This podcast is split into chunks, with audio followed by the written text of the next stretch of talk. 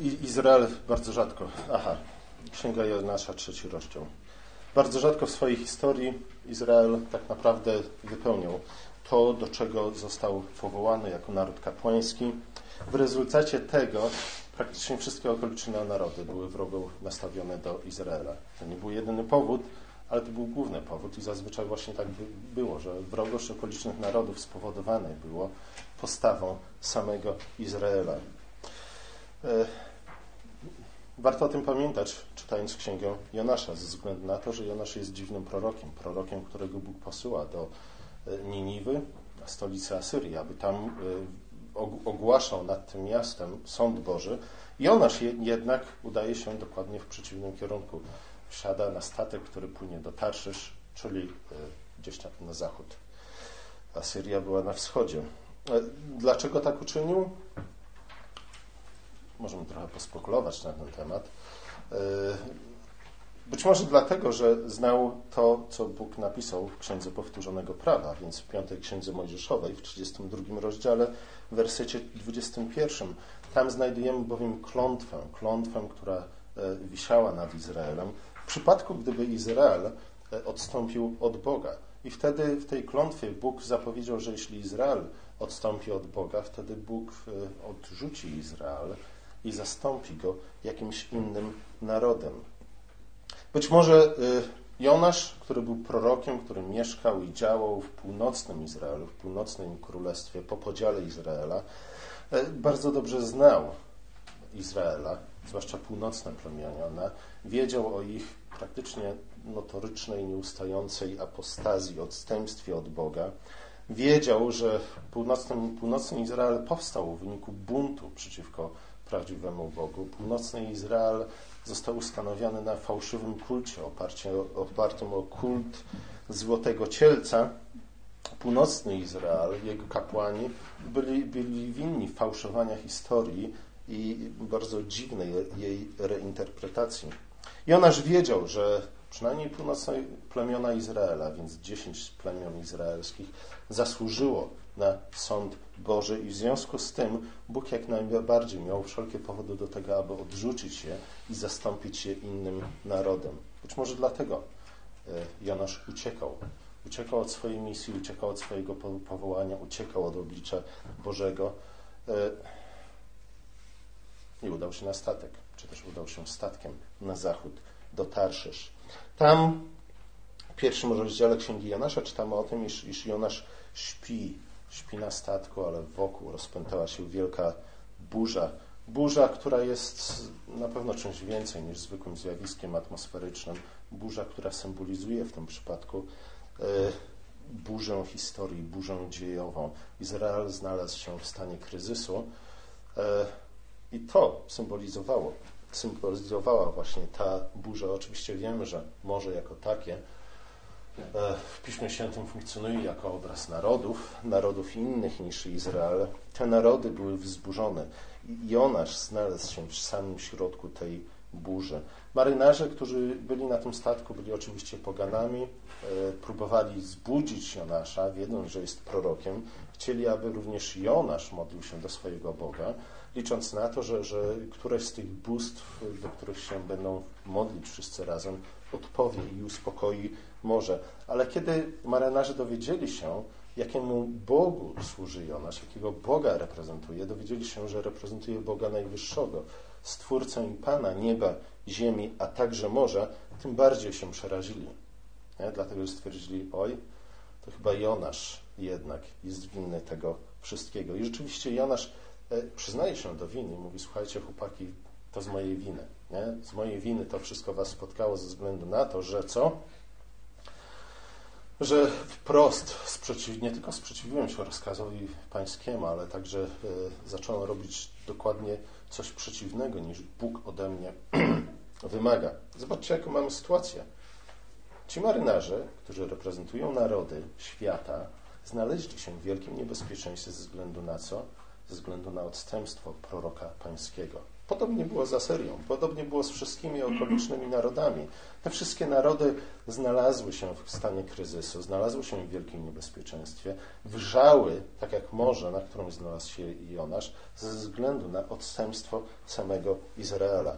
I zobaczcie, co następnie się dzieje. Jonasz w przypływie zdrowego rozsądku mówi, słuchajcie, to jest moja wina, jedynym dla was ratunkiem jest wrzucenie mnie do morza. E, wzburzone morze, e, burza na morzu jest, są spowodowane moją winą. Muszą zostać zabite, muszą wrzucić, zostać wrzucone do tych żywiołów i zginąć w nich, jeśli wy macie przetrwać. E, I rzeczywiście tak się dzieje. Nie? Wcześniej jednak, zanim Jonasz został, no wcześniej jednak. Każdym razie tak się dzieje. Jonasz zostaje wrzucony do morza, morze się uspokaja, narody, czy też żeglarze reprezentujący różne narody, e, nawracają się do Pana Boga, pokutują i proszą Go o zbawienie, a raczej dziękują Mu za zbawienie, którego dostąpi, dostąpili. Prorok musiał zginąć, żeby narody mogły dostąpić zbawienia. To wrzucenie do morza oczywiście służyło nie tylko i wyłącznie uspokojeniu morza, czy też uspokojeniu Boga, ale także samo w sobie było wielce symbolicznym działaniem, ze względu na to, że co, co morze reprezentuje w Piśmie Świętym, e, ale także ze względu na to, co Jonasz sam stwierdza. Wiemy, że później znalazła się wielka ryba, która go połknęła i właśnie będąc w tej rybie Jonasz zaczyna modlić się do Boga i między innymi mówi, że woła do Boga z głębi Szeolu. Nie? Szeol my zwykle tłumaczymy jako piekło. To nie do końca jest ta sama koncepcja, ale Jonasz właśnie, Jonasz woła, mówi, że woła do Boga z głębi Szeolu, stwierdza, że znalazł się w bramach samego piekła. Jednak właśnie e, z głębi morskich, z głębi, z wnętrzności tej wielkiej ryby, jakby z bram, spod bram Szeolu, e, z tego doświadczenia śmierci, moglibyśmy powiedzieć, Jonasz zwraca się do Boga, woła go o ratunek i Bóg rzeczywiście wysłuchuje Jonasza. Także wielka ryba wypluwa go z powrotem na brzeg morza. Którego dnia to się wydarzyło? Trzeciego dnia. Nie? Chrystus później posłużył się przykłady Jonasza, mówiąc o znaku Jonasza w kontekście swojej śmierci i zmartwychwstania. Chrystus jak Jonasz musiał być wrzucony w odmęty morza, musiał zginąć, musiał wstąpić do piekieł po to, abyśmy my mogli być zbawieni. Nie tylko my, ale przede wszystkim sam Izrael. Oczywiście w przypadku Chrystusa, Chrystus był tym ostatnim Izraelitą, ostatnim sprawiedliwym Izraelitą, w przeciwieństwie do Jonasza, który musiał zginąć, żeby narody mogły dostąpić zbawienia. Po tym doświadczeniu Jonasz w końcu jest gotowy i głosić tam Ewangelium. Czasami to samo musi się wydarzyć w naszym życiu. A oczywiście, gdy mówimy o ogłoszeniu Ewangelii, niekoniecznie mamy na myśli chodzenie od drzwi do drzwi, czy też stanie na ulicy i rozdawanie traktatów, nie? ale generalnie składanie świadectwa. Czasami musimy przejść przez doświadczenie podobne do doświadczenia Jonasza, aby w końcu się do tego zachęcić. Jonasz końcu w trzecim rozdziale przybywa do Niniwy, czytam, że jest to, było to bardzo wielkie miasto, trzeba było trzy dni i tutaj różnie są tłumaczone te słowa. Trzy dni, aby obejść miasto, a ewentualnie trzy dni, aby od bramy miasta dojść do jego centrum. W każdym razie było to wielkie miasto, ogromne miasto, stolica imperium. I Jonasz w zasadzie ma do przekazania im e, bardzo krótką, krótkie przesłanie. Mówi, słuchajcie, za 40 dni Niniwa zostanie zniszczona. Nie? W ten sposób Pismo Święte e, odnotowuje to jego zwiastowanie. Oczywiście możemy spekulować i komentatorzy to czynią, czy, czy Jona rzeczywiście do, tylko i wyłącznie do tych słów się ograniczył, czy też powiedział im coś więcej. Wydaje mi się, że, że powiedział coś więcej niż to. Wydaje mi się, że, że e, Jonasz, kto wie, być może dzielił się mieszkańcami, z mieszkańcami Niniwy swoimi doświad wcześniejszymi doświadczeniami. Być może to, czego ujrzał na okręcie, na statku, reakcją e, pogańskich marynarzy, z którą się spotkał, podzielił się tym wszystkim z mieszkańcami Niniwy, po to, aby zachęcić ich jednak do, do nawrócenia. Można by było tutaj wiele mówić przy tej okazji na temat tego, w jaki sposób funkcjonują proroctwa w Piśmie Świętym, na temat tego, czy, czy Bóg zmienia swoje plany i zamiary, czy też nie, dlatego że przesłanie jest proste. Za 40 dni Niniwa zginie. Oczywiście wiemy, że Niniwa nie zginęła ze względu na to, że jej mieszkańcy się nawrócili. Czy to znaczy, że Bóg zmienił swoje zdanie, czy to znaczy, że Bóg się pomylił. Musimy pamiętać o tym, że, że proroctwa w Piśmie Świętym nie zawsze są y, tylko i wyłącznie zapowiedziami tego, co się ma wydarzyć, ze względu na to, że e, są zwykle głoszone, jakby to powiedzieć, na ludzkiej płaszczyźnie. Nie?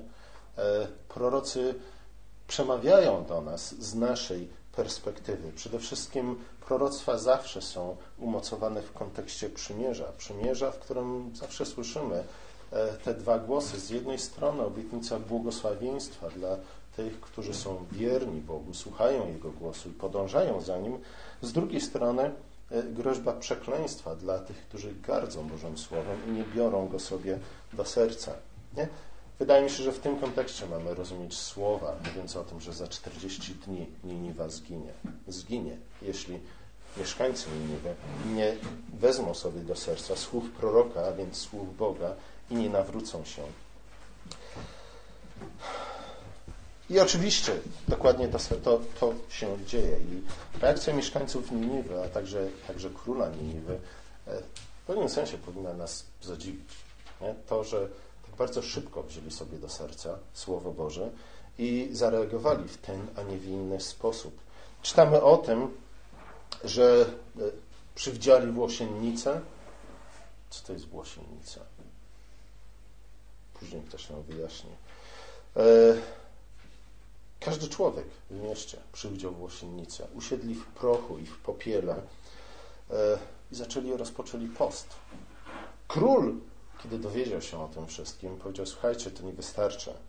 Nie dość, że wszyscy ludzie muszą e, ubrać się we włosiennicę, powstrzymywać się od jedzenia i picia, e, siedzieć w prochu, w popiele, ale także wszystkie zwierzęta, które są w mieście, muszą to uczynić. E, król Niniwy był królem pogańskim, przynajmniej do tej pory, e, a więc jako król pogański był traktowany niemalże jak Bóg. Nie? Wiemy, że faraon w Egipcie był w ten sposób traktowany przez swoich podwładnych. Podobnie było w przypadku króla Asyrii, mieszkającego w Niniwie. E, nawet jeśli nie był samym Bogiem, to na pewno reprezentował Boga. Nie? Podobnie jak w Egipcie, także w Asyrii król pełnią rolę reprezentanta Boga, e, będąc kimś w rodzaju nie tylko króla, ale także kapłana.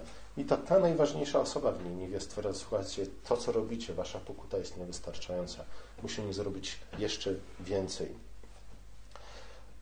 Działanie mieszkańców Niniwy e, jest oczywiście wielce symboliczne znowu, ze względu na to, że włosiennica, proch i popiół, a także post wiele znaczą w Piśmie Świętym. Nie? To nie były przypadkowe działania, ale wszystkie te rzeczy, włosiennica, post, siedzenie w popiele i prochu, były znakami śmierci. Nie? I to jest oczywiście nie bez znaczenia w kontekście całej tej historii. Włosiennice były często noszone właśnie w kontekście żałoby, e, w kontekście opłakiwania zmarłych, albo też w kontekście pokuty, nie? czyli skruchy i żalu z powodu grzechów, jakiego się dopuściliśmy. E, proch i popiół są nierozerwanie w Piśmie Świętym związane, związane ze śmiercią. Nie? Kiedy, kiedy Bóg zabierze naszego ducha, co, się, co po nas zostanie? Pozostanie proch, z którego zostaliśmy uczynieni. Popiół pozostawał, e, był pozostałością po, po złożeniu ofiary, nie? po spaleniu ofiary, Spalenie ofiary oczywiście nie, nie, tylko dosłownie, ale też w sposób symboliczny było wyrazem śmierci. Podobnie też post jest związany ze śmiercią, a przede wszystkim z oddaleniem od Boga i od wszystkich Jego darów i błogosławieństw. kiedy powstrzymujemy się od tego, co jest dobre same w sobie, kiedy nie mamy dostępu do tego, co jest dobre samo w sobie, co, czego Bóg nam udziela, po to, aby poprzez to udzielić nam życia, nie tylko fizycznego, ale też duchowego, jest znakiem odcięcia od Bożych darów i Bożych błogosławieństw. Jest znakiem tego, że znajdujemy się z dala od Boga. Nie? A im dalej jesteśmy od Boga, tym bliżej jesteśmy śmierci i nieistnienia. Dlatego takie, a nie inne działanie mieszkańców Niniwy.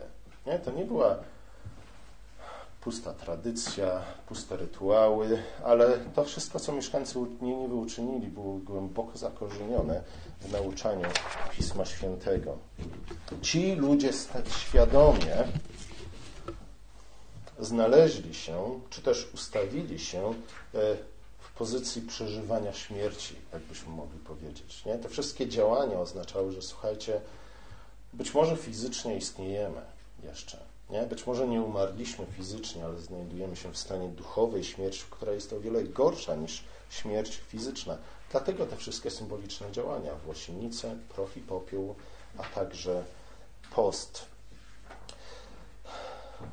I Jonasz został zmuszony do tego, aby znaleźć się w tej sytuacji, która niemalże zakończyła się jego fizyczną także śmiercią, kiedy został wrzucony do, do, do morza.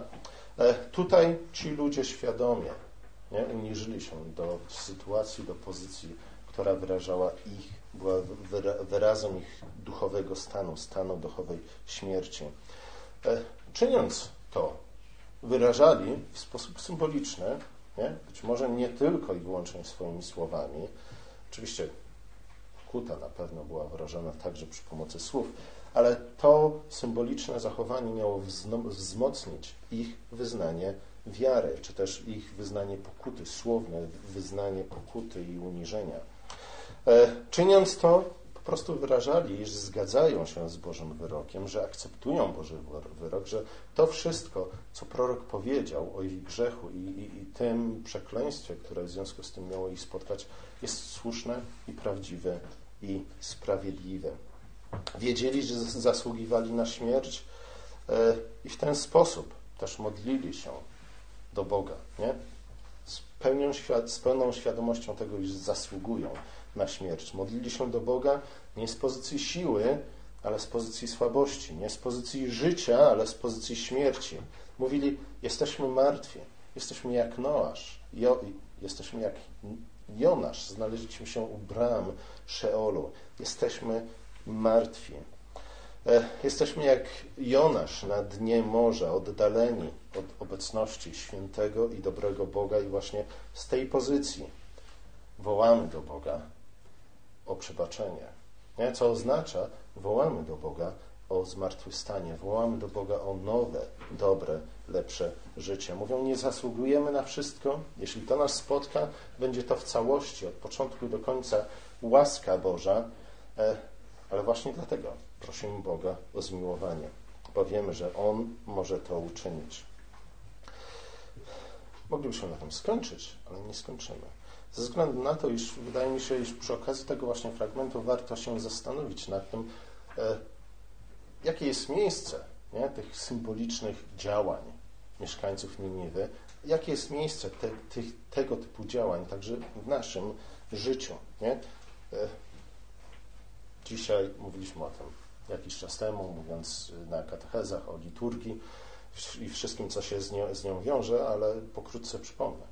Przypomnę to, że dzisiaj bardzo często chrześcijanie, zwłaszcza ci, którzy uważają się za jedynych prawdziwych chrześcijan, ponieważ e, rzekomo mają Jezusa w swoim sercu, e, bardzo często ci tego typu chrześcijanie przeciwstawiają szczerość przed Bogiem z rytualnym działaniem. Nie? Tak by, jakby rytualne działanie zawsze było przejawem hipokryzji. Nie? Tak jakby człowiek nie był w stanie kłamać przy pomocy swoich słów i był w stanie kłamać tylko i wyłącznie przy pomocy swoich działań.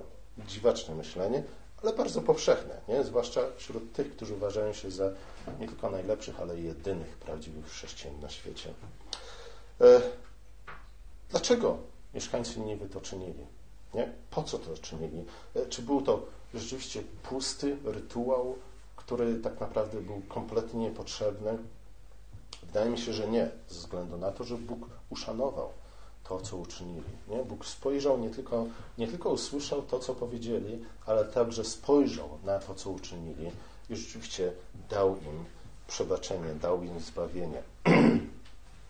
Niektórzy ludzie rzeczywiście myślą, że przy pomocy pewnych czynów, działań, rytuałów są w stanie e, zaskarbić sobie, zarobić sobie, zasłużyć sobie na zbawienie.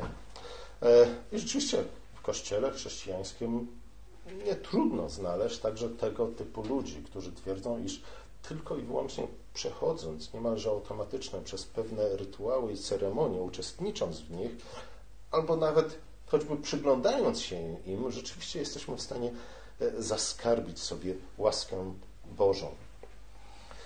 E, czasami wydaje nam się też, jeśli z kolei nie jesteśmy ludźmi e, zbytnio zapatrzonymi w ceremonie i rytuały, że cierpienie jako takie jest czymś, co zyskuje nam niemalże automatycznie przychylność i łaskę Bożą. Żadna z tych dwóch postaw nie jest akceptowana przez Pismo Święte i nie jest pochwalana przez Pismo Święte, ale wręcz przeciwnie, jest piętnowana przez Pismo Święte. Zwróćcie uwagę na to, że w gruncie rzeczy koncepcja śmierci i zmartwychwstania, nie? tego, że cierpienie prowadzi do chwały, nie jest czymś, co w jakiś szczególny sposób wyróżnia chrześcijaństwo jako takie. Nie? Tę koncepcję znajdujemy w gruncie rzeczy każdej pogańskiej religii, iż śmierć prowadzi do zmartwychwstania.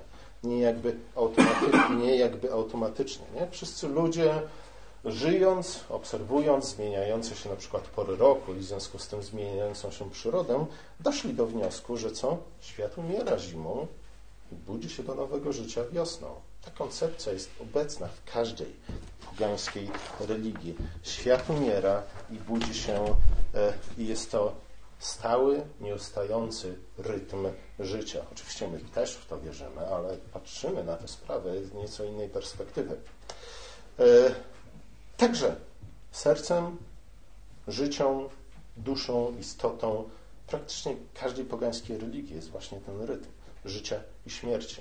Nie? Dlatego w bardzo wielu pogańskich religiach widzimy co?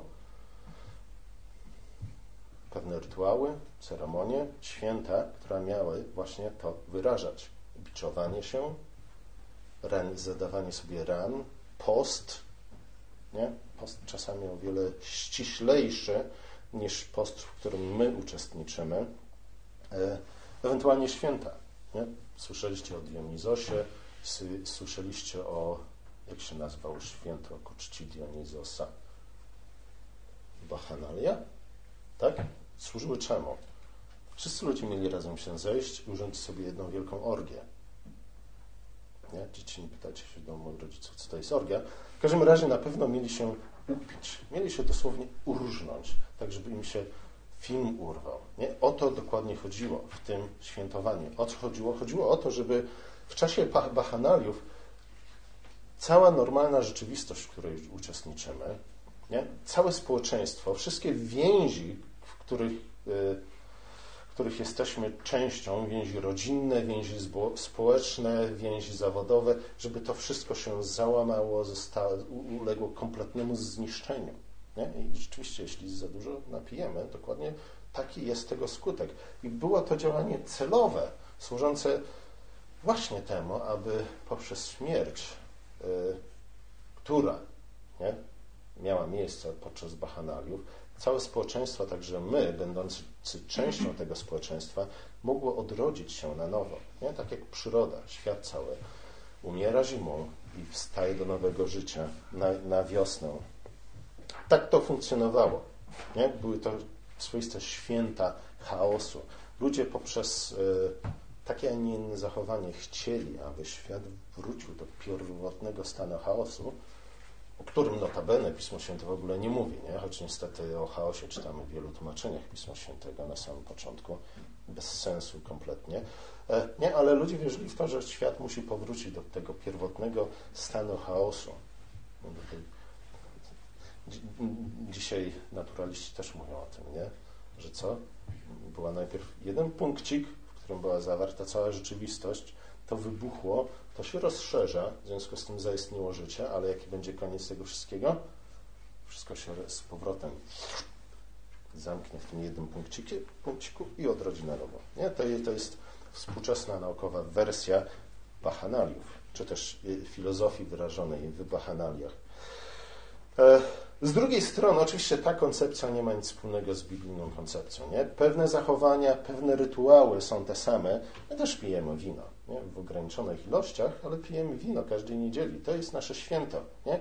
I kiedy się spotkamy przy, przy innych okazjach, no, my nie za bardzo jesteśmy w stanie uczynić, bo spotykamy się w miejscach, do których musimy dojechać samochodem, nie? ale normalnie nie, tak by to wyglądało. Spotykamy się od czasu do czasu, pijemy po to, by, by, by się cieszyć nie? Dobrym, dobrym życiem, które Bóg nam daje, albo po to, żeby się znaleźć w alkoholu pocieszenie. E, byle w umiarze.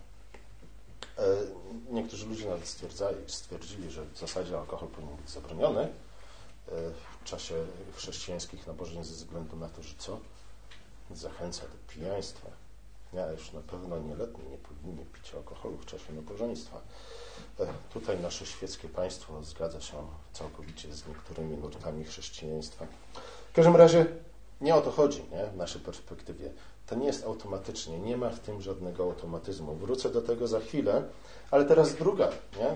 drugi nurt, który jest też niestety obecny w chrześcijaństwie. Tak jakby cierpienie jako takie było w stanie sprowadzić na nas błogosławieństwo Boże. Pojadę sobie trochę na naszych wschodnich sąsiadach, ze względu na to, że znów, znów zwrócili e, moją uwagę na siebie. E, wszyscy słyszeliście o Sołżenicynie, nie? wszyscy czytaliście Archipelag Gułak. E, Sołżenicyn jest właśnie tą postacią, która funkcjonuje przynajmniej na Zachodzie w percepcji większości mieszkańców Zachodu jako ten, który właśnie sprzeciwił się, obnażył nie? zły sowiecki system. Mało kto zauważa e, to, że Sołżenicyn e, był po prostu rosyjskim nacjonalistą. Nie? I sprzeciwiał się sowieckiemu systemowi tylko i wyłącznie dlatego, iż uważał, że sowiecki system podcina ducha narodu rosyjskiego. Nie? Naród rosyjski, czy też mógłby, byłby w stanie ustanowić o wiele większe imperium, gdyby nie system sowiecki. Sołżenicyn e, często był wyrazicielem, u nas w Polsce też są ludzie, którzy w podobny sposób mówią, o naszym polskim mesjanizmie. Nie? Sołżenicyn często wyrażał się w ten sposób, yy, który, czy też wprost sugerując, iż cierpienie jest czymś dobrym i zawsze przynosi dobre owoce. Nie? I cierpienie jest czymś dobrym ze względu na to, że zawsze rodzi dobre owoce.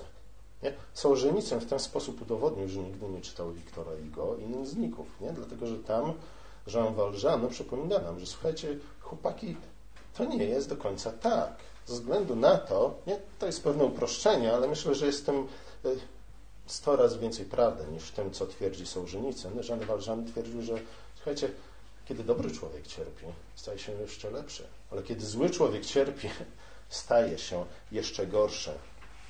Sołżenicowi wydawało się, że, że właśnie to potężne, przepotężne, niespotykane nigdy, nigdzie indziej na świecie, ani nigdy E, wcześniej ani później w historii cierpienie narodu rosyjskiego e, automatycznie sprawi nie? duchowe odrodzenie tego narodu, także stanie się Mesjaszem narodu, w zasadzie już jest Mesjaszem narodu, bo cierpi jak Chrystus za całą, całą ludzkość i nikt, czy też prawie nikt w naszym kraju zwłaszcza nie docenia ich ofiary. W każdym razie nie, w myśleniu Sołżenicyna i nie tylko jego było to, to była obecna, nie, ten schemat. Jakby rzeczywiście cierpienie, poprzez cierpienie nadchodzi niemalże automatyczne zmartwychwstanie e, do nowego, lepszego życia, a także coś dobrego wynika z niego, z tego cierpienia niemalże automatycznie, nie tylko dla tych, którzy cierpią, ale wszystkich naokoło. Tak nie jest. Wydaje się, że ponieważ Bóg uszanował to, co mieszkańcy Niniwy uczynili, rozpoznał, że y, nie było w mieszkańcach Niniwy tego typu myślenia, że cierpienie samo przez się automatycznie e, prowadzi do czegoś nowego i lepszego.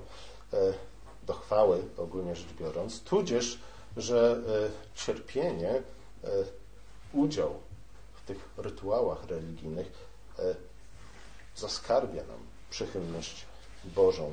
Raczej powinniśmy patrzeć na postępowanie mieszkańców Niniwy jako na e, akt spowiedzi, akt pokuty, e, innymi słowy, wzmocnienie tego, co wyznały ich usta. Nie? Ustami wyznali swój grzech i zdali się całkowicie na Boga. Te rytuały re, religijne, nie? Te, te włosienice, post, e, posypywanie się prochem i popiołem e, były wzmocnieniem tego przekazu ustnego. Nie? To oznaczało, że nie tylko swoimi ustami, ale całą swoją istotą zaangażowali się w komunik- zakomunikowanie Bogu, światu, prorokowi tego, iż rzeczywiście Słowo Boże jest prawdziwe i wyrok, jaki Bóg, jaki prorok ogłosił w imieniu Boga nad miastem Niniwą, jest słuszny i prawdziwy i sprawiedliwy. Całkowicie na tym zasługują. Dlaczego tak jest? Nie? Jest tak, ponieważ Bóg zbawia nie tylko nasze struny głosowe nie? i płuca, ale Bóg zbawia całą naszą istotę, całą naszą osobę. Nie? Wierzymy w końcu jako chrześcijanie nie w nieśmiertelność duszy, ale w zmartwychwstanie ciała. Nie? Wielu chrześcijan jest zdziwionych, kiedy o tym słyszy, a jednak tak jest. E, dlatego nie? uczestniczymy w nabożeństwie całym naszym ciałem i przy pomocy także naszego ciała, to, co nim robimy, nie? całym ciałem, nie tylko stronami głosowymi i, i płucami, ewentualnie mózgiem, co się nam czasami też zdarza, nie? uczestniczymy w nabożeństwie, wyznajemy nasze grzechy, przyjmujemy dobre dary Boga, wielbimy Go, e, kosztujemy, iż On jest dobry. Nie?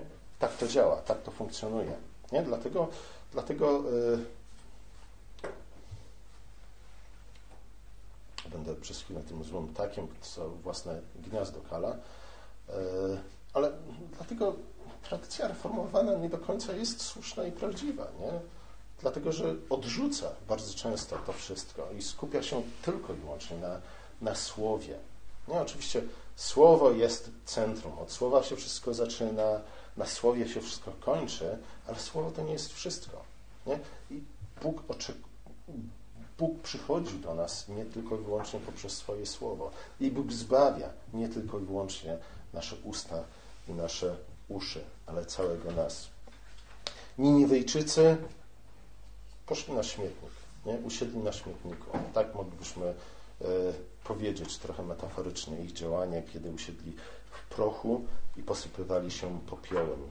Wsadzili swoje ciała w wory, w wory, które do niczego innego się nie dawały, jak tylko, żeby zapakować do nich śmieci i wyrzucić właśnie na ten śmietnik.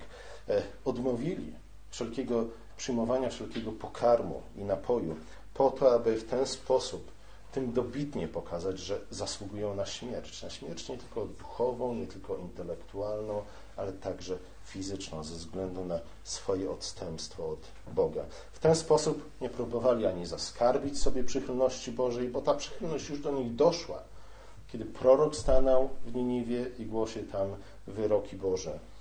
E, wiedzieli, że nie są w stanie w ten sposób zmanipulować Bogiem na zasadzie takie, jak funkcjonują pogańskie religie, nie? dam coś Bogu, po to, żeby On mi coś w zamian też dał, po to, żeby mi się odwdzięczył. Nie było w tym nic podobnego. Nie? Ich działania, ich udział w tych rytuałach był wzmocnieniem przekazu ich ust. Dlatego też, na przykład, nie? my jako chrześcijanie, zapędziłem się trochę, my jako dziwni chrześcijanie e, chrzcimy poprzez pokropienie a nie poprzez zanurzenie. Nie jak często uczestniczyliście w takiej dyskusji, że o, to musi być zanurzenie, bo musimy, tak jak Chrystus, być złożeni do grobu, później wyciągnięci z grobu, nie musimy, musimy w pełni powtórzyć ten akt złożenia Chrystusa do grobu. No nie, bo zobaczcie, nie to czynimy na naszym nabożeństwie, nie w ten sposób przyjmujemy zbawienie, jakie, jakie udziela nam Chrystus. Nie? Chrzcimy przez pokropienie, po to właśnie, by pokazać, że słuchajcie, Nasze nabożeństwo, nasze przyjęcie darów Bożych nie polega na tym, że my odtworzymy dokładnie to, w czym Chrystus uczestniczył. Nie? My jako, my jako, jako kto? E, nazwijmy nas protestantami. Nie? Często mówimy, że, że o, tutaj katolicka msza to jest powtór, powtórzenie ofiary Chrystusa, ale w gruncie rzeczy ten sam zamysł kryje się w takiej, a nie w innej formie chrztu. Nie? Tak jakbyśmy rzeczywiście musieli powtórzyć niemalże to samo, co, przez co Chrystus przeszedł, po to, żeby w ten sposób przyjąć. Nie? My nie powtarzamy, nie odtwarzamy po raz kolejny tego, co wydarzyło się nad Jordanem, tego, co wydarzyło się na Golgocie, tego, co wydarzyło się yy, w ogrodzie, gdzie Chrystus został złożony. Nie? My przypominamy sobie te wszystkie rzeczy, które już się dokonały raz na zawsze i my jesteśmy w stanie tylko i wyłącznie przyjąć je z wdzięcznością. Nie? I ta woda, która spada na osobę chrzczoną z góry, jest właśnie znakiem tego, że przyjmujemy to, co Chrystus już dokonał. Nie? I to jest obraz łaski. Nie powtarzamy po raz kolejny tego, co Chrystus uczynił, ale przyjmujemy to, co już raz dokonał. E, liturgia, nabożeństwo, rytuały nie są w związku z tym powtórzeniem, czy też odtworzeniem tego, co wydarzyło się w historii. Nie? Tak funkcjonuje większość, czy praktycznie wszystkie liturgie, nabożeństwa, jakkolwiek by to nazwać, pogańskie. W przypadku chrześcijańskim nie. Nasza liturgia jest, jest wyznaniem, że pewne rzeczy się już dokonały, e, że pewne rzeczy dokonały się w przeszłości, dokonały się raz na zawsze i my dobre skutki tego, przez co przeszedł Chrystus, jesteśmy w stanie tylko i wyłącznie przyjąć, nie? jako łaskawy dar Boga. Pomódlmy się. Nasz drogi łaskawy Ojcze, dziękujemy Ci za Jonasza, dziękujemy Ci za jego nawrócenie, ale przede wszystkim dziękujemy Ci za to, że jego nawrócenie doprowadziło do nawrócenia tak wielkiego miasta jak, jak Niniwa. Dziękujemy Ci za wiarę tych ludzi i dziękujemy Ci też za przykład tych ludzi. Prosimy Cię, Ojcze, abyśmy e, byli podobni w nich, do nich e, w ten sposób, że e, będziemy zawsze pamiętać o tym, iż nie dostępujemy zbawienia przez nic, co sami przez się czynimy. Jesteśmy w stanie tylko i wyłącznie przyjąć je z wdzięcznością. W imieniu Jezusa modlimy się do Ciebie i dziękujemy Ci za tak wielkie zbawienie, jakim nas obdarzyłeś. Amen.